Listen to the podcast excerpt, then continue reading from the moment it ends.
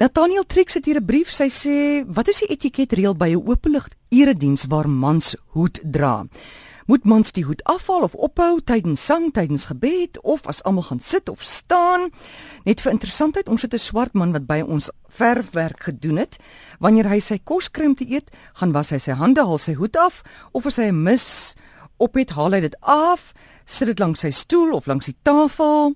Hy doen vir homself 'n gebed en wanneer hy klaar geëet het, tel hy sy hoed op en sit dit weer op sy kop. Kan Nathaniel dalk 'n klip in die bos gooi? Kyk, die reël vir hoedens vir mans is baie eenvoudiger. Omtrent 96% van die tyd is dit hoed af binne, hoed op buite. Dit was die reël nog deur alle eeue. Daar's ongelooflik baie etiket oor hoedens oor as 'n man 'n hoed afval in geselskap dat jy die hoed so moet vas sodat jy nou die binnekant van die hoed sien nie dat 'n man net 'n hoed ligte liggies as hy 'n dame groet op straat, maar nie vir 'n ander man nie, want dit beteken hy beskou die ander man as vroulik.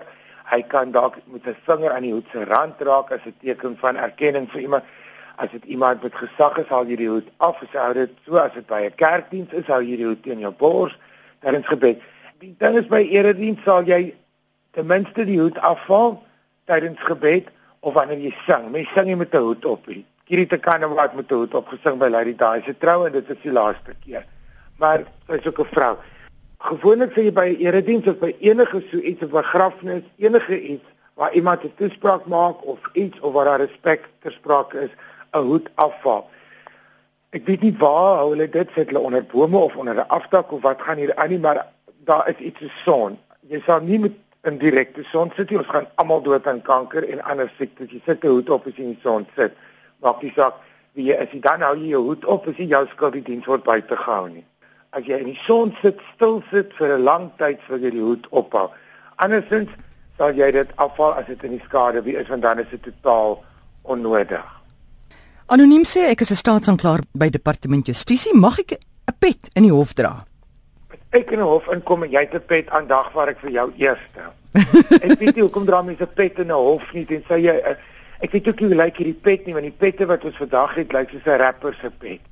Anders kry jy daai Andy cap pette wat ou mense gebruik as hulle golf speel oor see. Jy bedek nie jou kop as 'n man binne ietsie en veral nie in jou werkplek nie. Tensy die dak lek, al jy jou pet af.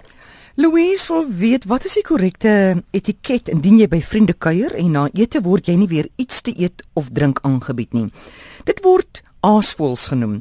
Hoe lank moet jy nog kuier om nie so genoem te word nie? Ek verstaan glad nie die konsep van hierdie storie nie. Hmm. Um of jy ken nie jou tyd nie of die gasvrou is 'n terrible. Na ete word jy nie meer ete bedien nie want jy het dan nou net geëet. So kan dit verstaan gewoonlik word dan na ete opgestaan van die tafel af en verskuif na 'n sitkamer toe vir ander by my huis bly by die tafel sit want ons kuier. En hier word baie keer so gekuier dat ek laat nag gaan koue kos op 'n bordjie sit of kaas bedien of sulke goed. Gewoonlik sal ek 'n bord sjokolades of iets neersit. En on, ons eet ook nie, nie tot 'n skrappeldek is aan tafel nie. Maar daar word altyd drinkgoed aangebied en as jy wil hê die gaste moet loop, dan gee jy vir hulle koffie of iets. Gewoonlik word daar verskuif van 'n tafel af en dan word daar apart 'n konjak of 'n sherry of, of so iets bedien en later koffie en dan na koffie dan vertel jy nog een grappie, sê vir die huis is mooi en dan loop jy. Mens kyk so lank dit vir jou gemaklik is. Mm. En as dit vir jou ongemaklik word want jy kry niks om te drink nie, jy kry niks om te eet nie, en die gasvrou lyk ongeduldig of sy het met eens nou besluit sy vas vir haar gesondheid, dan gaan jy huis toe.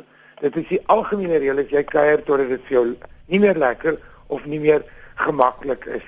Ek het van daai vriende en dit is baie oudtyds en so, maar ons speel games. Mm. Ons is mal na ete om om 'n board game uit te haal of Scrabble te speel of sulke goed. Ons is baie oudtyds, maar ons hou daarvan. Wat gewoonlik in Suid-Afrika is dit 'n bietjie gesond. Alwaaroor ons nou sit in kerm is ons gewig of die tou nou daai het werk en die crime in die land en wat die regering aanvang en dan is almal maagseer en is dit nie op die ou end wat ons praat mekaar op hierdie stadium met kuiers in totale spanning en ons kan dit nie help nie.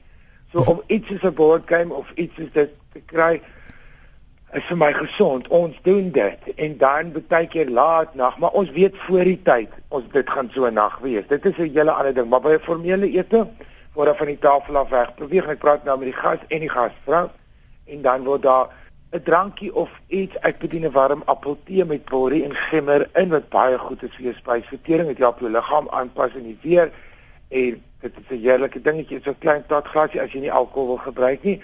Anders gee jy, jy weet een van daai honderde klein goedjies wat in 'n glasie kom vir na ete, al daai goed is is veronderstel om die spysvertering te help en is net 'n sosiale gevoel en later vra die gasvrou koffie vir iemand of net water ons bedien koue water dit winter is en jy gaan in die koue uit